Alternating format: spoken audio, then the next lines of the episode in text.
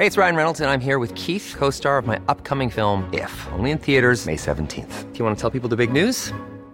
All right, I'll do. Sign up now and you'll get unlimited for $15 a month in six months of Paramount Plus Essential Plan on us. Mintmobile.com slash switch.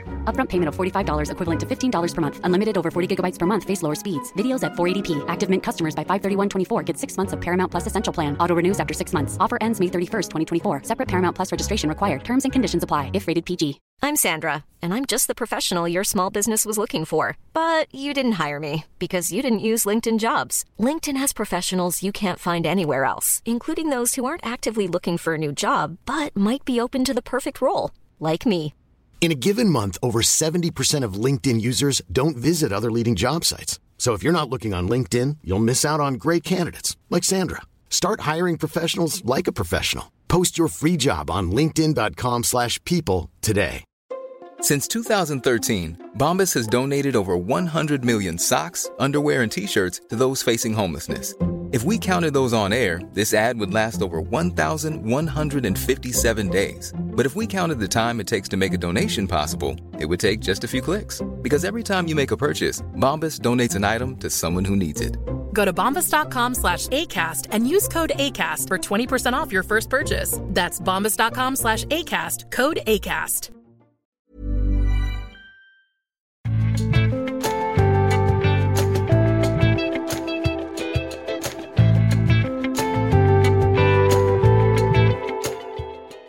Kan kristne tilføre i diskusjon om liv, død og menneskeverd?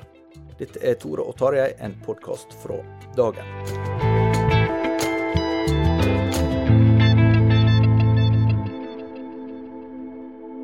Tarjei Gilje er ikke med i dag, men jeg, Tore Hjalmar Seivik, har besøk av Morten Magelsen. Velkommen. Takk for det.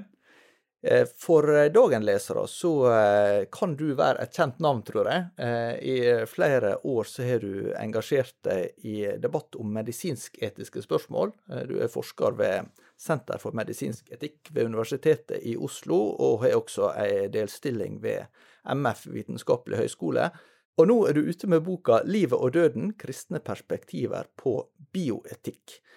Du fortalte at uh, dette er egentlig et, uh, nesten som et livsprosjekt for deg. Kan, kan du si noe om, eh, om bakgrunnen for denne boka? Ja. ja, helt kort da, så var jeg ferdig på legestudiet i 2004. Og så begynte jeg å studere litt filosofi på si, med ved siden av at jeg jobbet på Lovisenberg sykehus i Oslo. Og så tenkte jeg at øhm, jeg ønsker å jobbe med de store spørsmål om Guds eksistens og rett og galt og, og medisinsk etikk. Og da min vei inn i det ble da Senter for medisinsk etikk ved Universitetet i Oslo.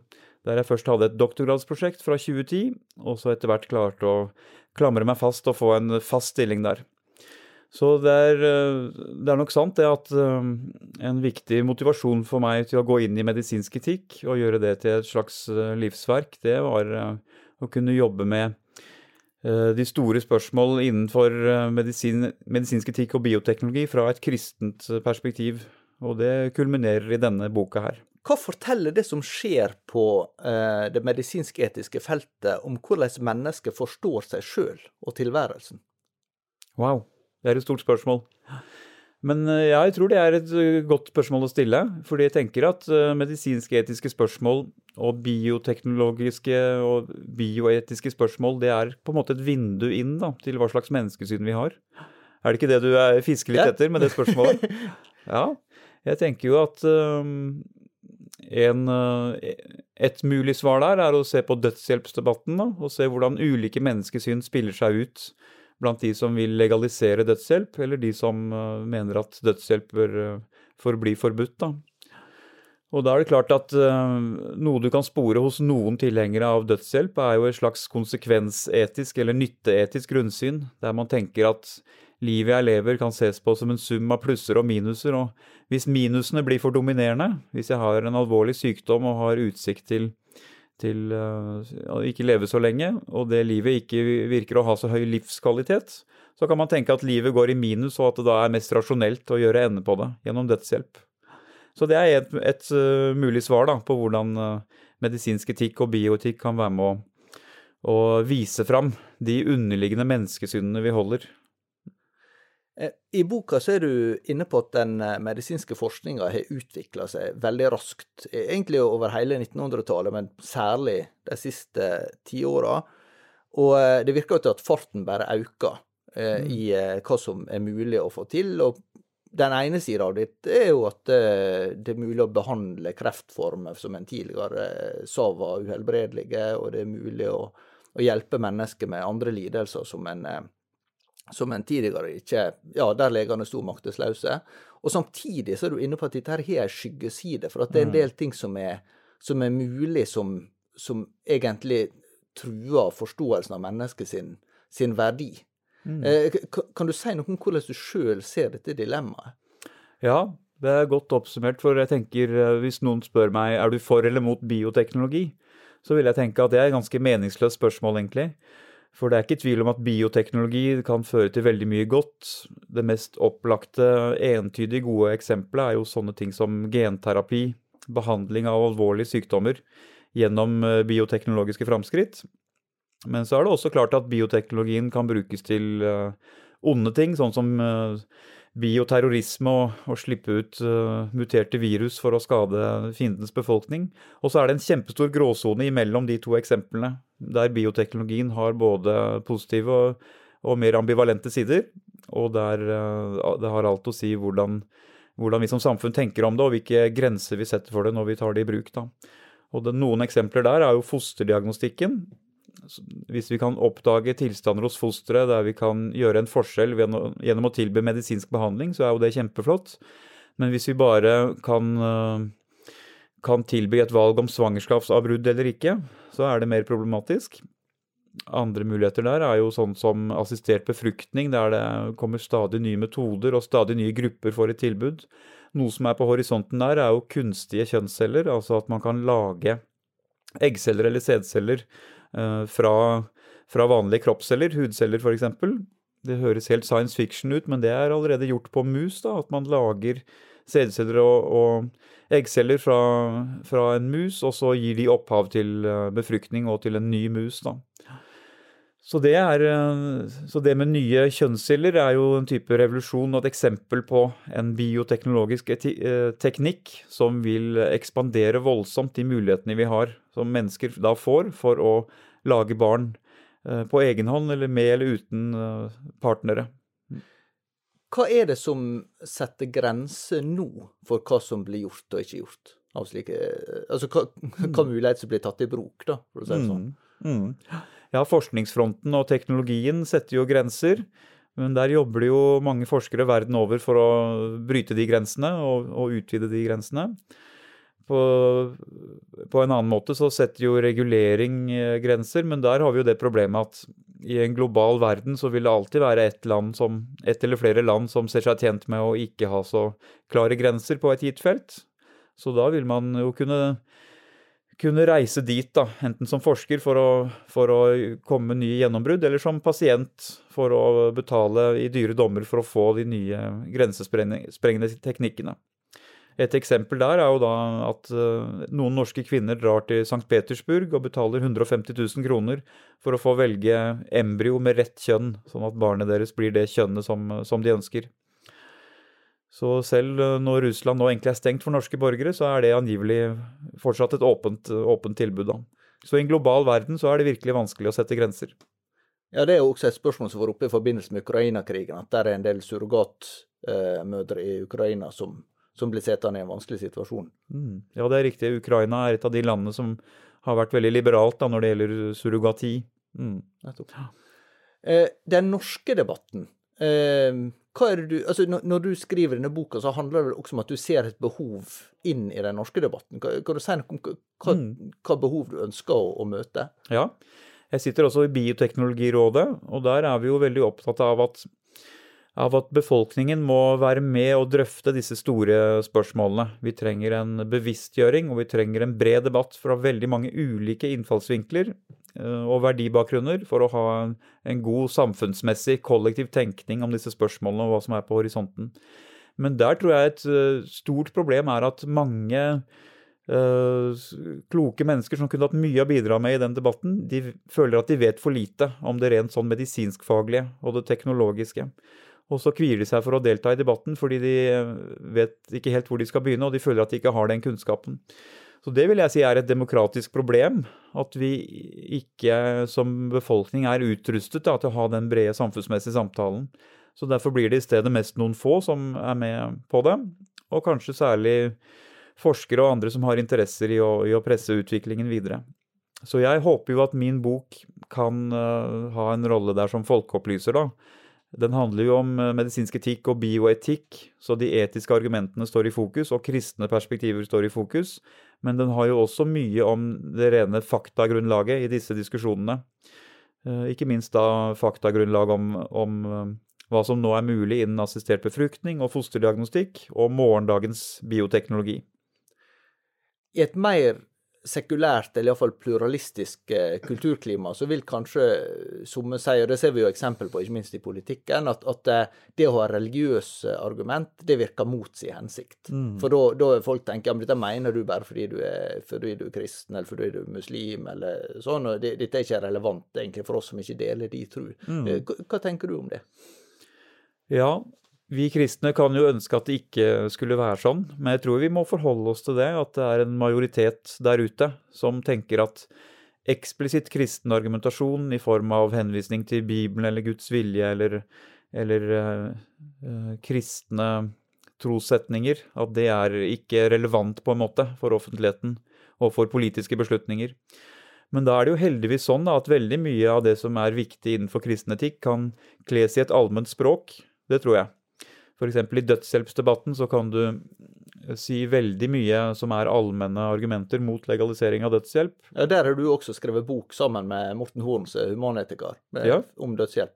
Ja, det er et veldig morsomt samarbeid som jeg har med Morten Horn, som jo har en, eh, en veldig god humanetisk stamtavle ved at han er barnebarn til stifteren av Human-Etisk Forbund.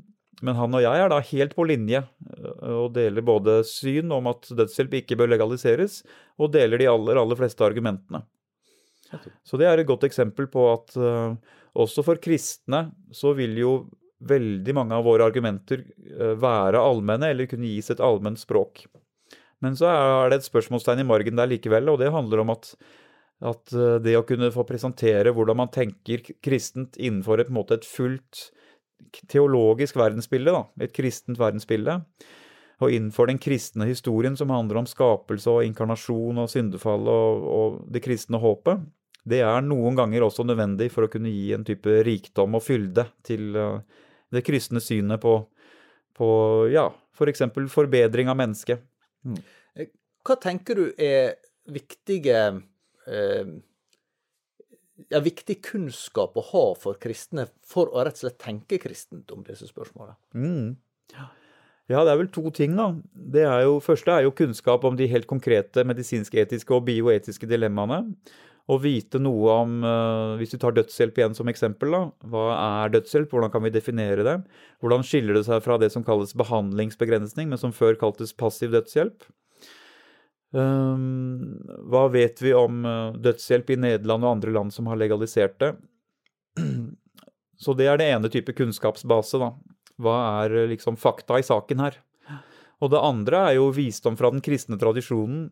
Hvordan kan vi bruke Bibelen som grunnlag for, for etiske argumenter? Hvordan kan vi bruke andre eh, kilder i den kristenetiske tradisjonen, der det er så mye visdom, for å tenke etisk å finne argumenter som er relevante i, i disse debattene. Er det spesielle debatter der du tenker at kristne kan ha noe å tilføre? For du, du har også mm. vært inne på det at du, at du tenker nettopp kristne perspektiv kan eh, vise et større bilde enn det som ofte kommer fram i, i de mm. debattene som går. Ja. ja, jeg tror kristne perspektiver er viktige i alle disse store spørsmål. I boka så skriver jeg jo da om dødshjelp, men også mer generell medisinsk etikk ved livets slutt, spørsmål om når nok er nok, livsforlengende behandling. Jeg tar opp uh, likeverd og funksjonshemmedes kår i norsk helsetjeneste, prioritering i helsetjenesten, assistert befruktning, fosterdiagnostikk, morgendagens bioteknologi, og også forbedring av mennesket. Er det noe vi bør gi oss inn på? Jeg tar opp helsepersonells profesjonsetikk og spørsmål om bønn for og med pasienter og dette store temaet med, som var i vinden for ti år siden, med reservasjonsrett og samvittighetsfrihet i helsetjenesten. Så i alle disse temaene så tenker jeg at uh, eksplisitt kristne perspektiver er viktige. Et eksempel på en debatt der det blir veldig viktig, tenker jeg er dette med forbedring av mennesket.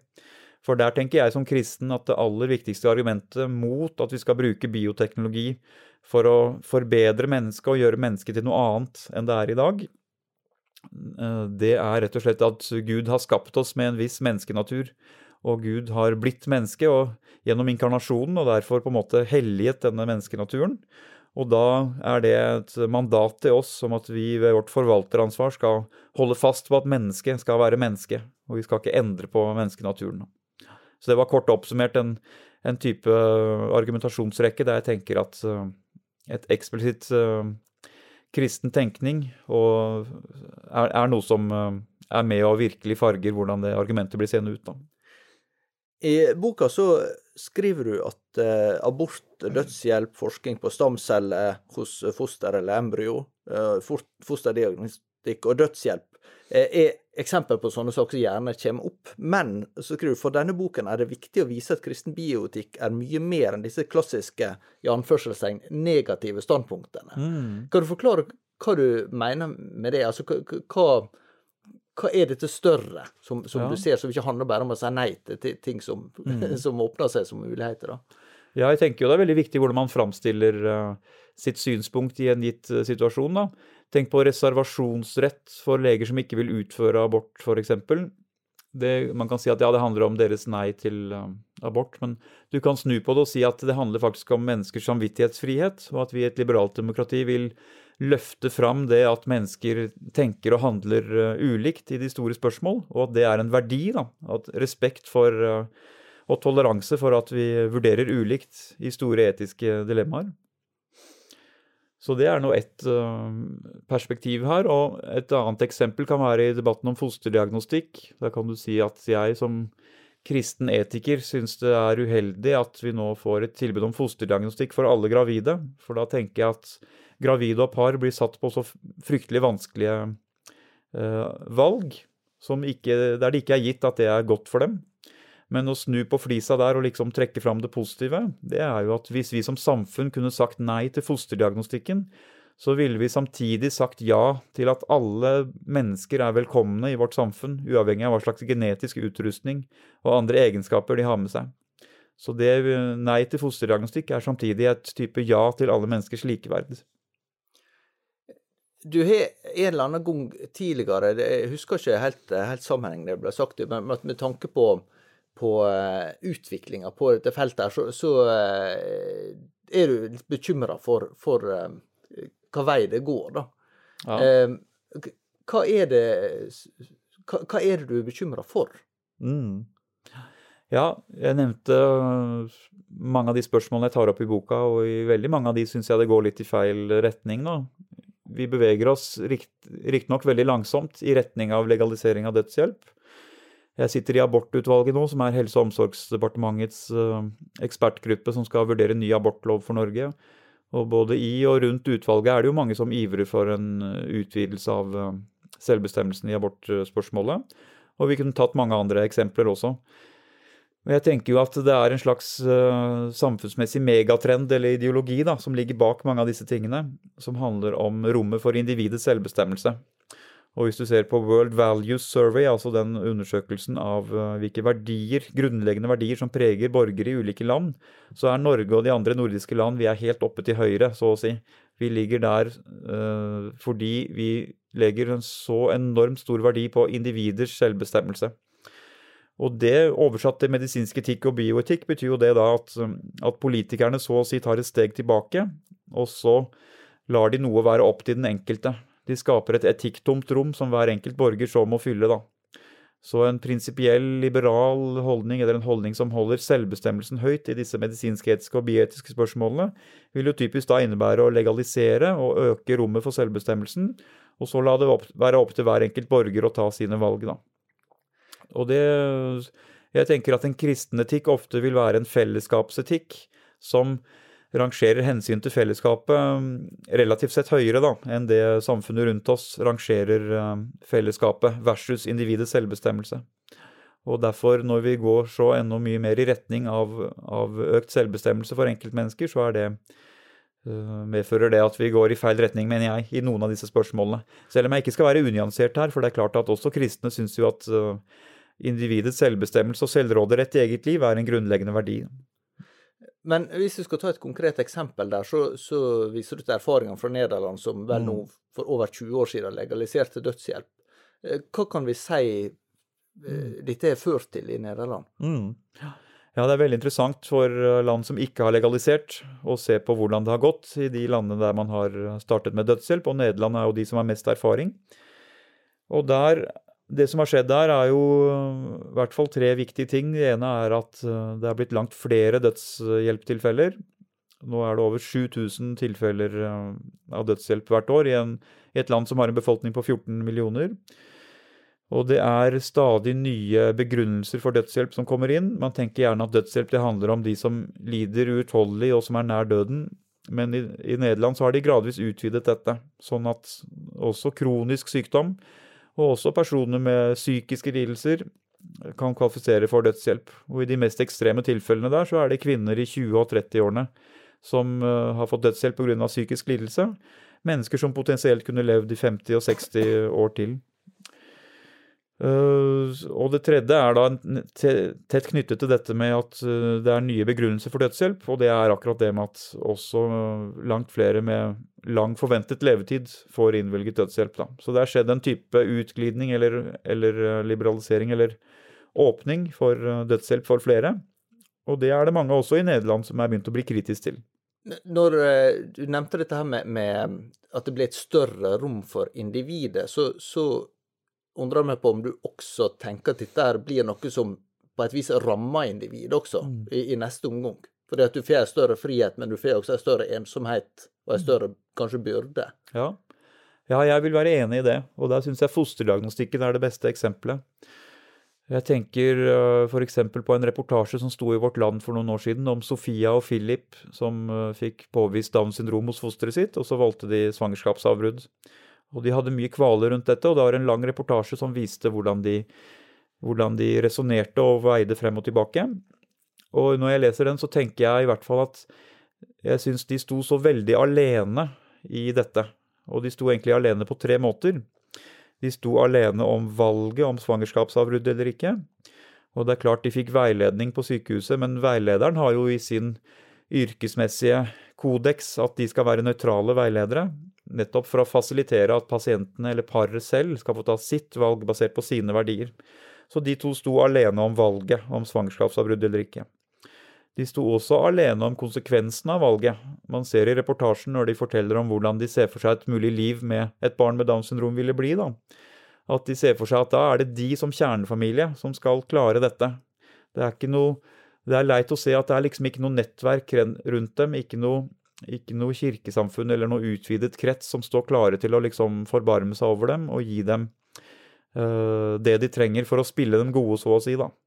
Det er en alenehet der i at i, i velferdssamfunnet så skal vi alle settes i stand til å ta, håndtere våre egne livsutfordringer uten å bli avhengig av andre. Men medaljens bakside er nettopp det at vi blir stående alene. da. Og så er det en tredje type alenehet òg, som handler om at de på en måte ikke har noe etisk basis eller ballast eller etisk tradisjon å, å trekke veksler på når de, når de, tar dette valget sitt. Så jeg håper jo at en Eller jeg tenker at en kristen etikk ideelt sett skal jo ikke primært være kloke ord på, på papir, men at det skal spille seg ut i praksis ved at vi bærer hverandres byrder i et fellesskap som, som virkelig har omsorg for hverandre. Og så er det lettere sagt enn gjort, selvsagt, men jeg håper at uh, jeg tenker at kristen etikk virkelig er i sitt ess når den kommer til uttrykk i praksis, da, gjennom en slags fellesskap, fellesskapsbyggende etikk. Har du tanker om hvordan det kan se ut i Norge i 2023? For én ting er jo hvis du skrur mm. klokka et par hundre år tilbake, så var det jo mm. kristne som på mange måter bygde opp velferdstjenestene, som, som, og, og kom med sykepleierutdanning og starta institusjoner osv. Men nå så vil jo de fleste nordmenn tenke at jeg, jeg, er norsk, jeg har rett på det og det og det, og mm. mangler det noe, så må Stortinget vedta det og, og, og bevilge midler. Eh, men, men det vil jo være en del rom der som, som det offentlige aldri kan dekke. Mm. Ja, det syns jeg er veldig godt oppsummert. Og eh, da vil jeg spille ballen over til menighetene, og jeg er sikker på at det er mange menigheter i Norge i dag som allerede uh, spiller hverandre gode, eller spiller uh, kirkegjengerne gode, ved at man har, uh, man har, klart å bygge de fellesskapene der man, der man hjelper hverandre, og der man opplever da at man ikke står alene når sykdom eller livskriser rammer. Litt tilbake til, til det som, som vi, vi snakker med, med, å finne løsninger på, på uh, disse et altså Det å leve i dilemmaer, da, som du, du, var inne på innledningsvis. Uh, du skriver i boka at den kristne biotikken er ofte opptatt av å finne en god mellomposisjon, det man kan mm. kalle en tredje vei. Mm. Uh, kan du si noe om, om hva det, det, innebærer?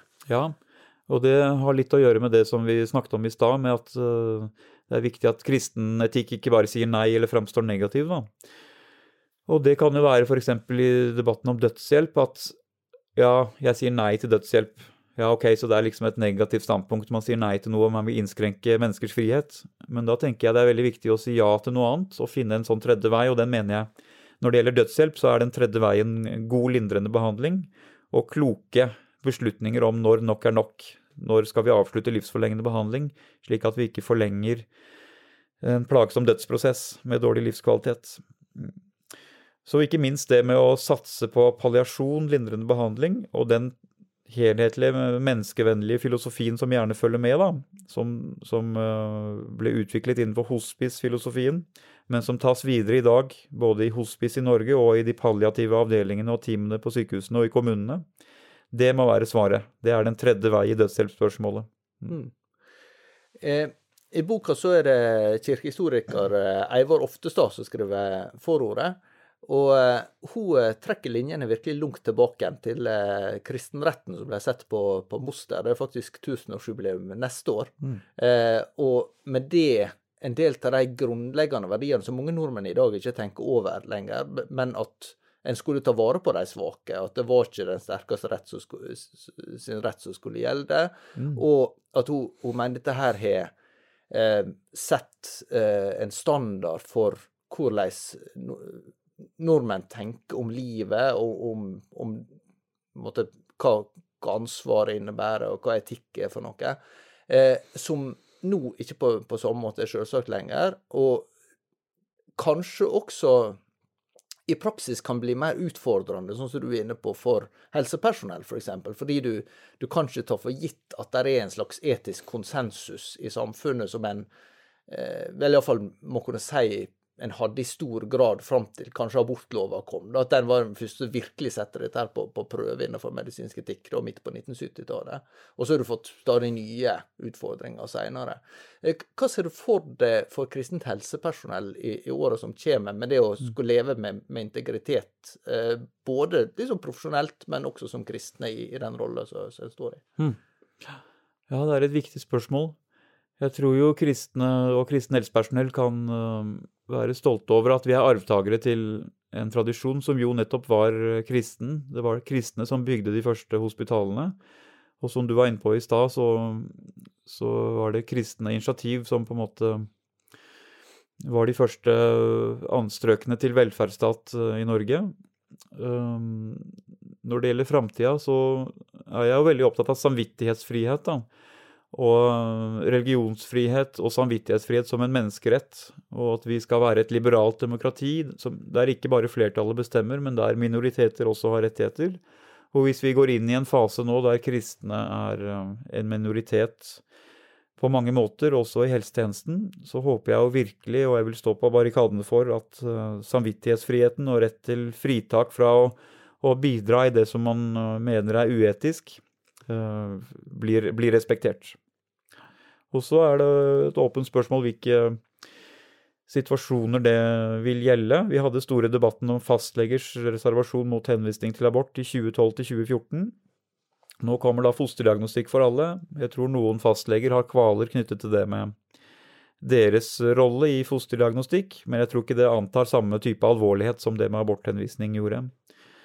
Um, jordmødre på sykehusene skal gjøre disse undersøkelsene, og klart er fosterdiagnostikken veldig stylt inn mot å finne avvik som skal begrunne et valg om svangerskapsavbrudd, så vil folk kunne ha kvaler med det. Eh, men hva som ligger rundt neste sving da, og som kan gi nye samvittighetskvaler for kristne, det vet jeg ikke helt.